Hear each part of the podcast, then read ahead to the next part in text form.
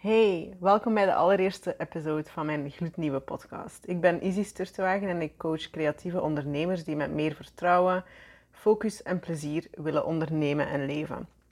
In deze podcast wil ik samen met jullie het snijpunt verkennen tussen werk, leven en jezelf. De zoektocht om die drie in harmonie en balans met elkaar te brengen en de magie die ontstaat als je bedrijf een plek wordt waar je thuis kan komen. Ik neem je graag mee in de onderwerpen die keer op keer aan bod komen in het werk dat ik doe met mijn klanten en natuurlijk ook in mijn eigen groeiproces, met zowel de lessen die ik geleerd heb en aan het leren ben, als de kleine en grote successen. Vandaag wil ik het hebben over lichter ondernemen en meer doen van wat je leuk vindt in je bedrijf, maar ook in het leven in de brede zin van het woord. Ik zat iets meer dan een week geleden met mijn moeder op de Piazza San Carlo in Turijn aan een verse citroenlimonade en met volle teugen te genieten van een zalige dosis dolce far niente. Mijn mama woont in de buurt van Rome en we hadden besloten om elkaar zo min of meer halfweg in het noorden van Italië uh, te ontmoeten voor een paar dagen vakantie samen. En ons gesprek op, uh, terwijl we daar zaten op Piazza San Carlo ging echt letterlijk 5000 verschillende kanten uit. Zoals dat gaat als je elkaar veel te lang niet gezien hebt. Dankjewel, COVID. En veel in te halen hebt. Maar op een bepaald moment kwamen we uit bij het onderwerp meer doen van wat je leuk vindt en blij maakt. In je werk, maar ook in het leven in het algemeen. En hoe je daar dan achter komt in wat dat je precies leuk vindt. En ook hoe makkelijk het is om in langdurige, drukke en stressvolle periodes van je leven helemaal te vergeten wat ook weer die dingen zijn eigenlijk waar jij plezier uit haalt en die jou blij maken. Want heel eerlijk, voor ons allebei is dat iets dat helemaal niet vanzelf komt. En waar we heel bewust naar op zoek moeten gaan en zorgen dat we genoeg daarvan in ons leven inbouwen. Het klinkt zo simpel, meer doen van wat je leuk vindt. Te simpel bijna. Maar wat we leuk vinden, wordt zo dikwijls overschaduwd door wat hoort, wat we zouden moeten, wat nu eenmaal zo is, wat iedereen gewoon op die manier doet. En dat plezier op een bepaald moment in ons leven ondergeschikt wordt en een kleinere rol gaat spelen in de keuzes die we maken, dat gebeurt eigenlijk al best wel vroeg, op best wel een jonge leeftijd. Uh, als we opgroeien en ouder worden, is er ergens op een bepaald moment een shift van onbezorgd spelen en onderzoeken en op avontuur gaan en verkennen en nieuwsgierig zijn en vragen stellen naar een plek waar alles een functie moet hebben. Waar alles moet bijdragen aan een doel, waar alles uh, moet bijdragen aan geld verdienen, aan fit en gezond zijn, aan afvallen of of gewoon aan er zijn voor anderen, voor je kinderen, voor je partner, voor je familie. Ja, al die dingen komen eigenlijk eerst. En op de allerlaatste plaats, als we er überhaupt al over nadenken, heel bewust komt wat dat wij leuk vinden, wat dat ons plezier geeft. En de focus gaat dus veel meer van plezier naar de verantwoordelijke keuze maken. Alsof plezier en verantwoordelijkheid twee tegenovergestelde zouden zijn. En misschien moet ik je maar gewoon een klein stukje persoonlijk verhaal bij vertellen. Een kwestie van een voorbeeld te geven voor jullie, um, zodat jullie misschien ook zelf makkelijker kunnen zien waar dat bij jullie begonnen is. Maar ook gewoon omdat ik persoonlijke verhalen vertellen belangrijk vind. En omdat ik maar dan gelijk vanaf de eerste episode de toon goed kan inzetten. Als ik zo terugkijk naar, naar mijn eigen leven, dan, dan, ja, dan maak ik eigenlijk toch wel al minstens vanaf de middelbare school ehm, de meeste keuzes op basis van wat ik dacht dat, dat hoorde, van wat ik dacht dat het beste was, van wat ik dacht dat andere mensen verwachten. Um, of omdat ik niet wist wat ik dan eigenlijk wel echt wilde. En dan dus maar koos voor de optie die het meeste opties openliet. En eigenlijk was dat wel een beetje bizar, want als klein kind was ik best wel een eigenwijs, ondernemend en zelfstandig meisje die met gemak haar eigen, al dan niet koppige keuzes maakte. Um, maar toen, na de scheiding van mijn ouders, um, was ik, werd ik bijvoorbeeld um, van een gewoon dun kindje, best wel een mollig meisje, en ja, dat was dus een periode waarin dat ik snel op ja, best korte tijd wel redelijk wat aangekomen ben. En, um, en waar dat de meeste kinderen bijvoorbeeld gaan sporten omdat ze, puur omdat ze de sport leuk vinden, ehm, was ik negen en ging ik atletiek doen puur en alleen om af te vallen. Om een lichaam te hebben dat ehm, in, de, in de groep, in de klas, sociaal acceptabel was. En helemaal niet omdat ik het leuk vind, want tot op de dag van vandaag heb ik echt een gruwelhekel aan hardlopen. Ehm, en of dat het mijn huidige gruwelhekel aan hardlopen nu voortkomt uit mijn ervaring als negenjarige, of dat ik het gewoon altijd vreselijk heb gevonden en het gewoon niet voor mij is, is een ander ding. Geen idee. Ehm, maar in elk geval, ik ging atletiek doen. Niet omdat ik het leuk vond, maar omdat ik daar een ander doel mee had. Namelijk afvallen en passen in het plaatje. Um, maar zo zijn er zeker ook dingen, en daar was ik dan meer iets minder vatbaar voor. Maar bijvoorbeeld het moment waarop iedereen, ik weet niet, voor de kinderen van de jaren 90 um, en eind jaren 80, op een bepaald moment kwam daar de trend van um, de, oh, ik ben al vergeten hoe ze heten, maar die hideous lelijke plateauzolen schoenen, um, die ja, door popgroepjes zoals de Spice Girls en zo laaiend enthousiast, uh, enthousiast laaiend populair werden.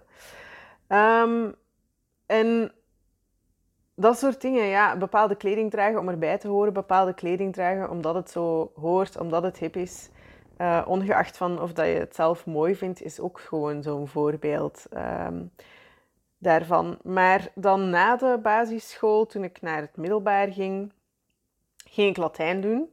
Um, omdat dat gewoon het advies was van, uh, vanuit het, uh, het CLB. En voor de Nederlanders die luisteren, Centrum voor Leerlingenbegeleiding. Dus het is eigenlijk gewoon een beetje een instantie die dan kijkt naar wat, uh, wat vind je leuk, wat kan je en wat is voor jou het beste studieadvies. Dus ik ging Latijn doen, want het CLB had mij gezegd dat ik dat kon en dat dat bij mij paste. Ook al wilde ik eigenlijk al heel lang al, ja, al vanaf dat ik een jaar of, of tien was, denk ik, naar de kunsthumaniora. En um, ook weer voor de Nederlanders die luisteren. Kunsthumaniora is een beetje zoals kunstacademie, maar dan voor jongere um, kinderen slash tieners. En in België kan je dus naar de kunsthumaniora um, vanaf je veertiende of vijftiende. En er zat dus twee jaar tussen. Uh, de eerste twee jaar van de middelbare school waarin ik iets anders moest doen. En dat werd dus Latijn. En toen ik daar dan eenmaal zat, dan bleef ik daar ook veel te lang plakken. Ik heb, ben dat dan uiteindelijk blijven doen tot ik, um, uh, tot ik naar het, uh, het vijfde middelbaar ging. Dus toen ik uh, 16, 17 was. Um, en de knoop heb ik uiteindelijk doorgehakt, omdat ik echt um, op mijn zestiende daar bij, uh, op het college, bij de Latijnse, echt al een soort van depressie heb gehad. Um, en omdat voor mij op dat moment echt het, ik wou echt niet terug. Dus ik, ik moest gewoon iets anders doen. En dat was dan het moment waarop ik dacht van oké, dan doen we nu maar eindelijk dat ene wat ik altijd al wilde doen, omdat ik het leuk vond. Um, dat herhaalde zich later ook nog wel een paar keertjes in mijn werk. Um, uh, toen heb ik ook een, een, een baan gedaan, zes jaar lang.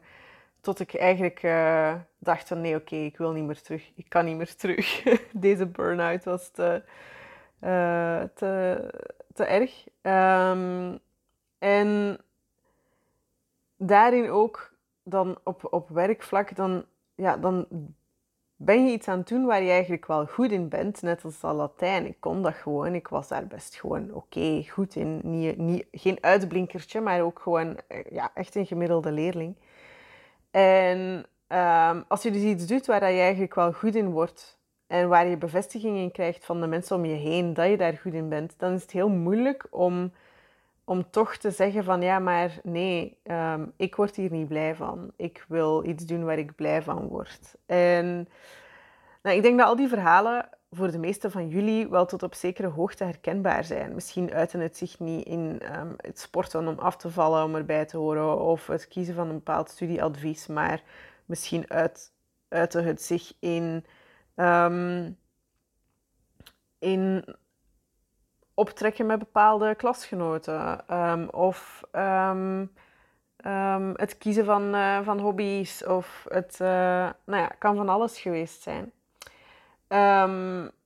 En ja, ik denk dat ik daar dus helemaal geen uitzondering in ben. En dat de meeste van die dingen wel herkenbaar zijn. voor, voor de meeste van jullie. En als het niet bij jullie zelf was, dan hebben jullie het misschien wel gezien bij een broer of een zus of een ouder, grootouder of een tante. Uh, of misschien net als ik gewoon bij het grootste deel van de omgeving waarin je opgroeide. Als het op werk aankomt, dan voelt doen wat je leuk vindt misschien ergens ook helemaal niet logisch of, of, op zijn minst niet vanzelfsprekend. Want werk is werk en werk kan niet altijd leuk zijn. Bij werk horen bepaalde verplichtingen, bepaalde verantwoordelijkheden, bepaalde noodzakelijkheden, dingen die je doet omdat het nu eenmaal gewoon nodig is. En, um, en dat is eigenlijk wel een beetje raar, want plezier hebben in het ondernemen en in mijn bedrijf de focus durven leggen op wat ik echt leuk vind. Um, dat is eigenlijk ook wel de reden waarom ik ondernemer ben geworden. Ik denk dat dat voor heel veel zelfstandigen de reden is waarom ze zelfstandigen worden. Um, maar tegelijkertijd ja, heb ik even goed dat best wel heel lang op de laatste plaats gezet. Um, want op het moment dat je begint en dat je nog geen klanten hebt en dat alles nieuw is, um, dan is het heel makkelijk om te zeggen van ja, mijn plezier dat komt wel later. Dat komt wel als mijn bedrijf goed draait, als alles goed in elkaar zit. Als ik dat allemaal voor elkaar heb, dan kan ik daaraan beginnen denken. Maar allee, ik hoop natuurlijk dat de core van jouw bedrijf op dit moment ook iets is wat dat je echt leuk vindt. Of dat dan nu fotografie is, of edelsmeden, of ontwerpen.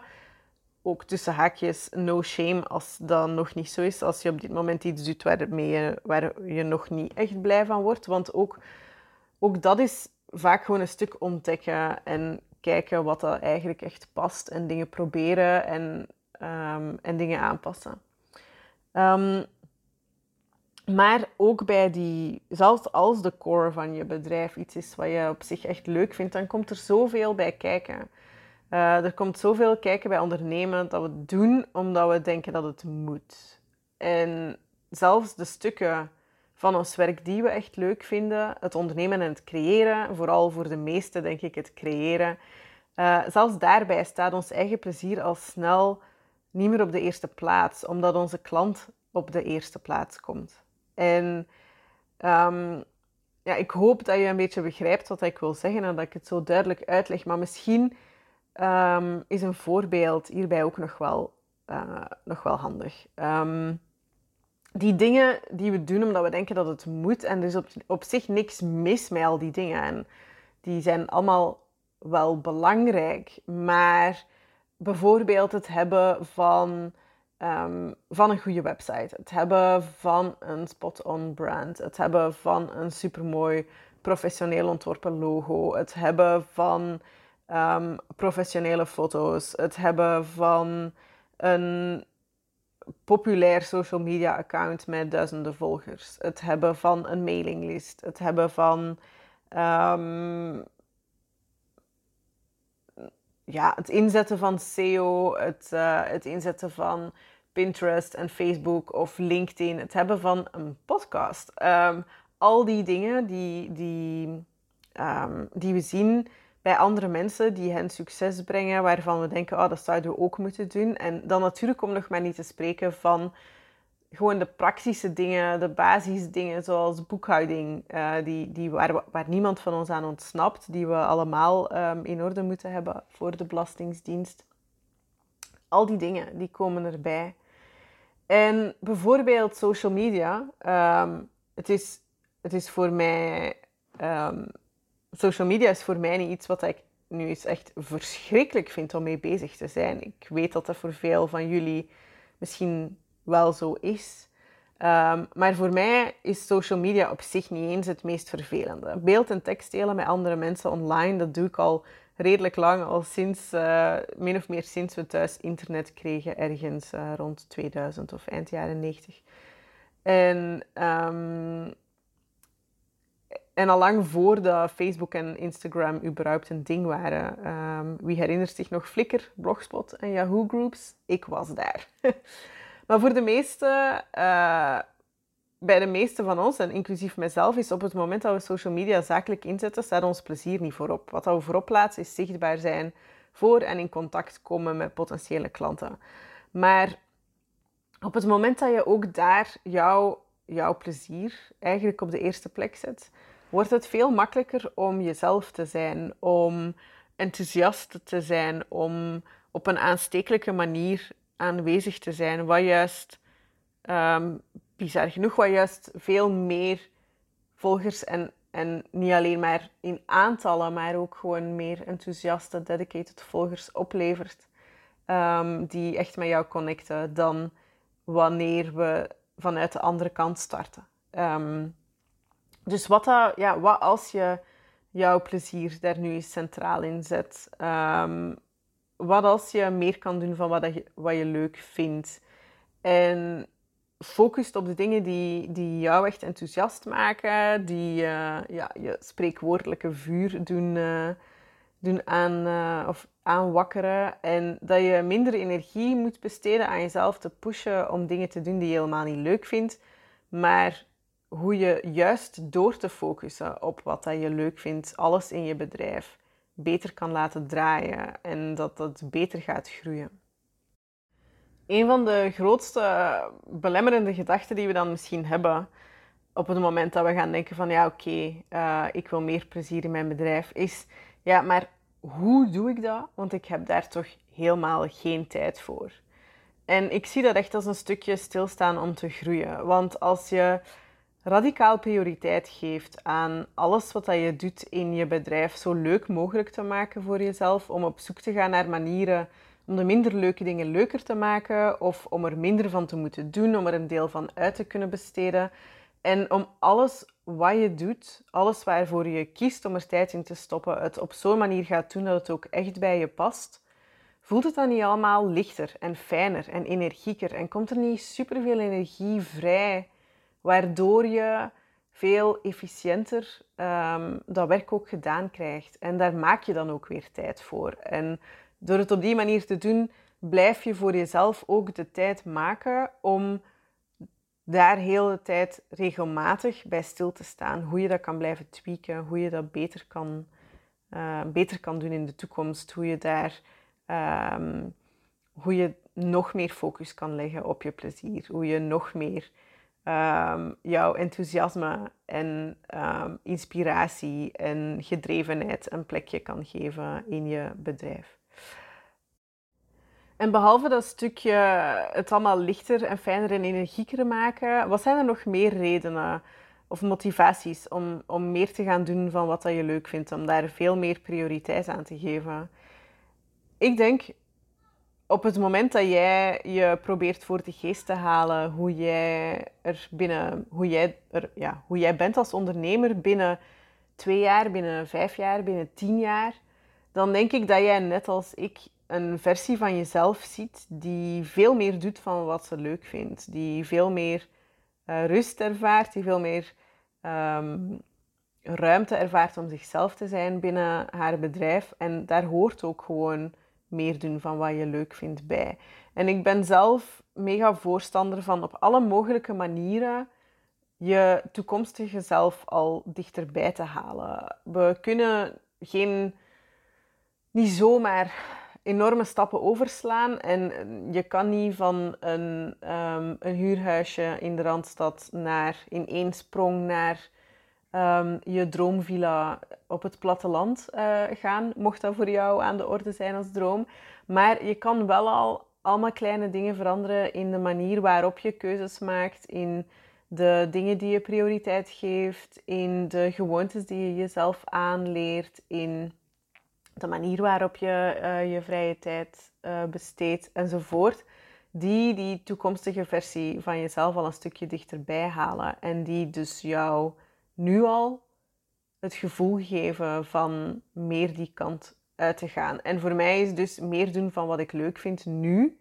Ook al heb ik het gevoel dat ik daar geen tijd voor heb, ook al heb ik het gevoel dat ik me dat niet kan permitteren, um, om dat toch al te gaan doen.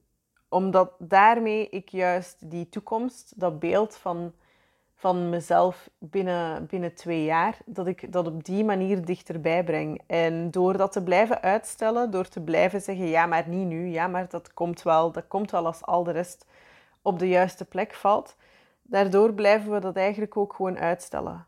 En blijven we ver weg van dat toekomstige droombeeld waar we eigenlijk heen willen. Een andere reden om meer te doen van wat ik leuk vind voor mij is omdat ik dan met meer impact kan, ik kan dan meer impact maken. En door minder te doen. En dat is alleen maar een extra pluspunt.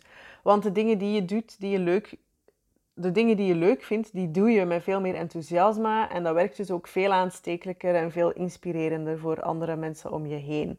Voor je klanten, voor je volgers, maar ook gewoon voor je gezin en voor je vrienden.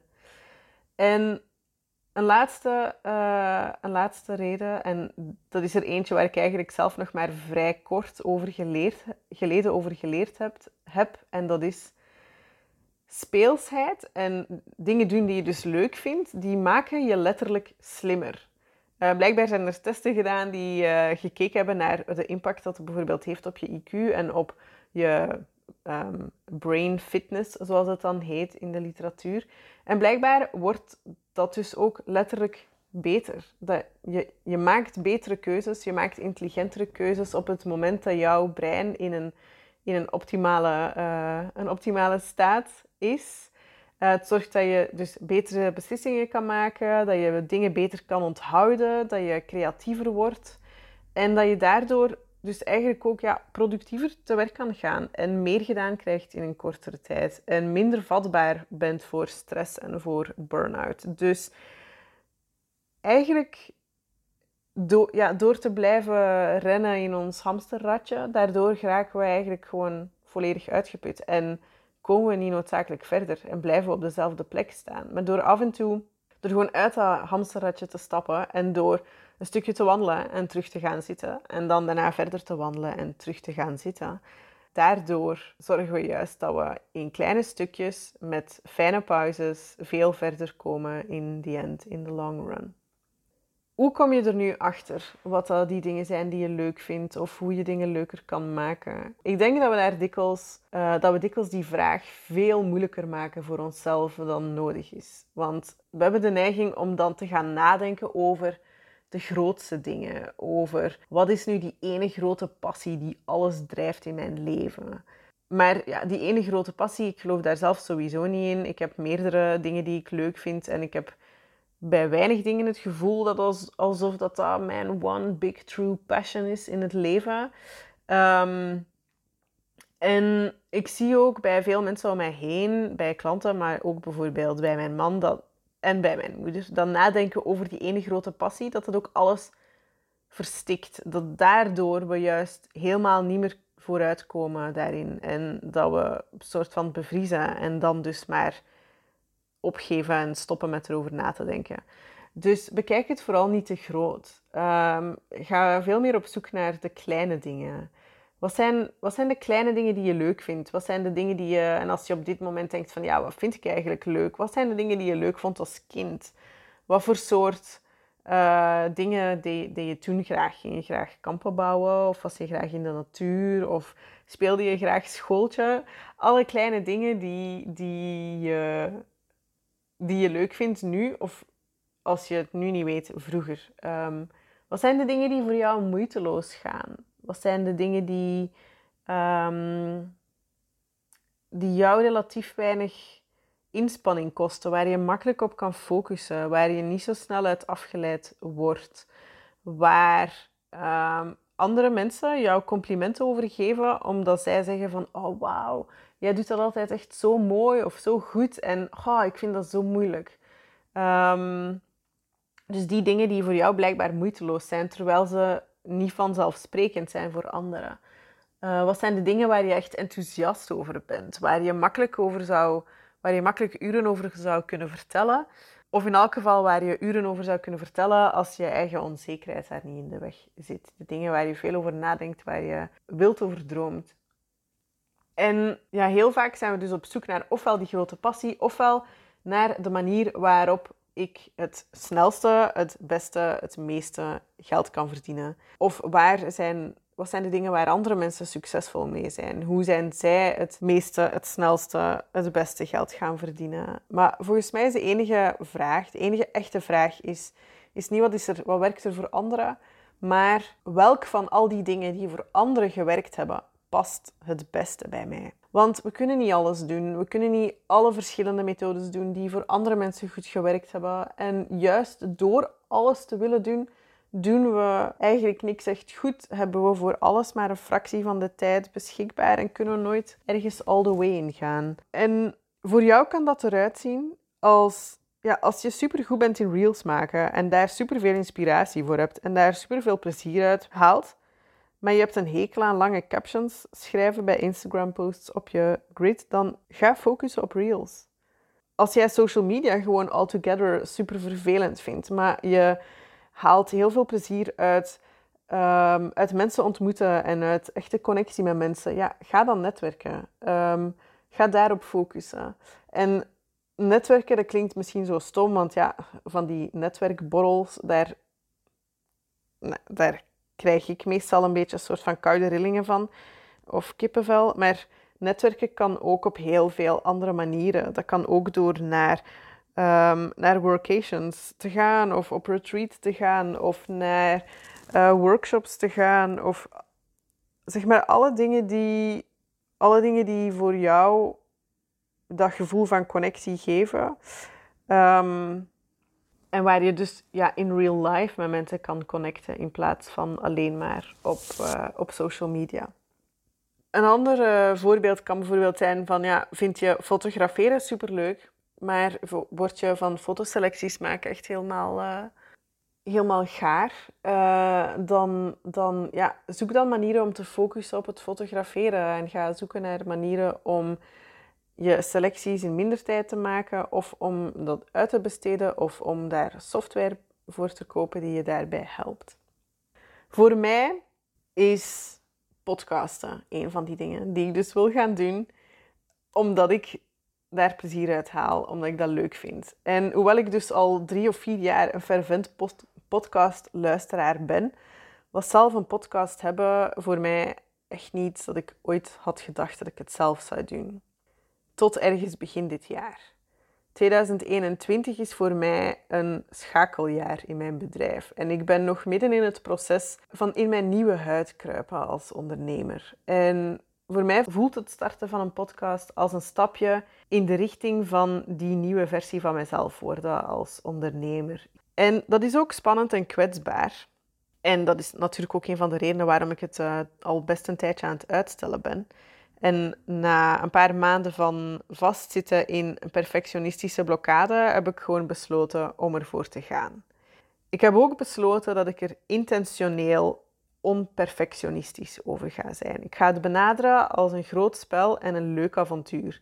Ik ga er geen verwachtingen over hebben over waar deze roadtrip naartoe gaat, want de reis is sowieso belangrijker en interessanter dan de bestemming. Maar met 50 plus ideeën voor topics in mijn Notion-app heb ik wel het vermoeden dat ik best wel een beetje speelplezier tegemoet ga met jullie.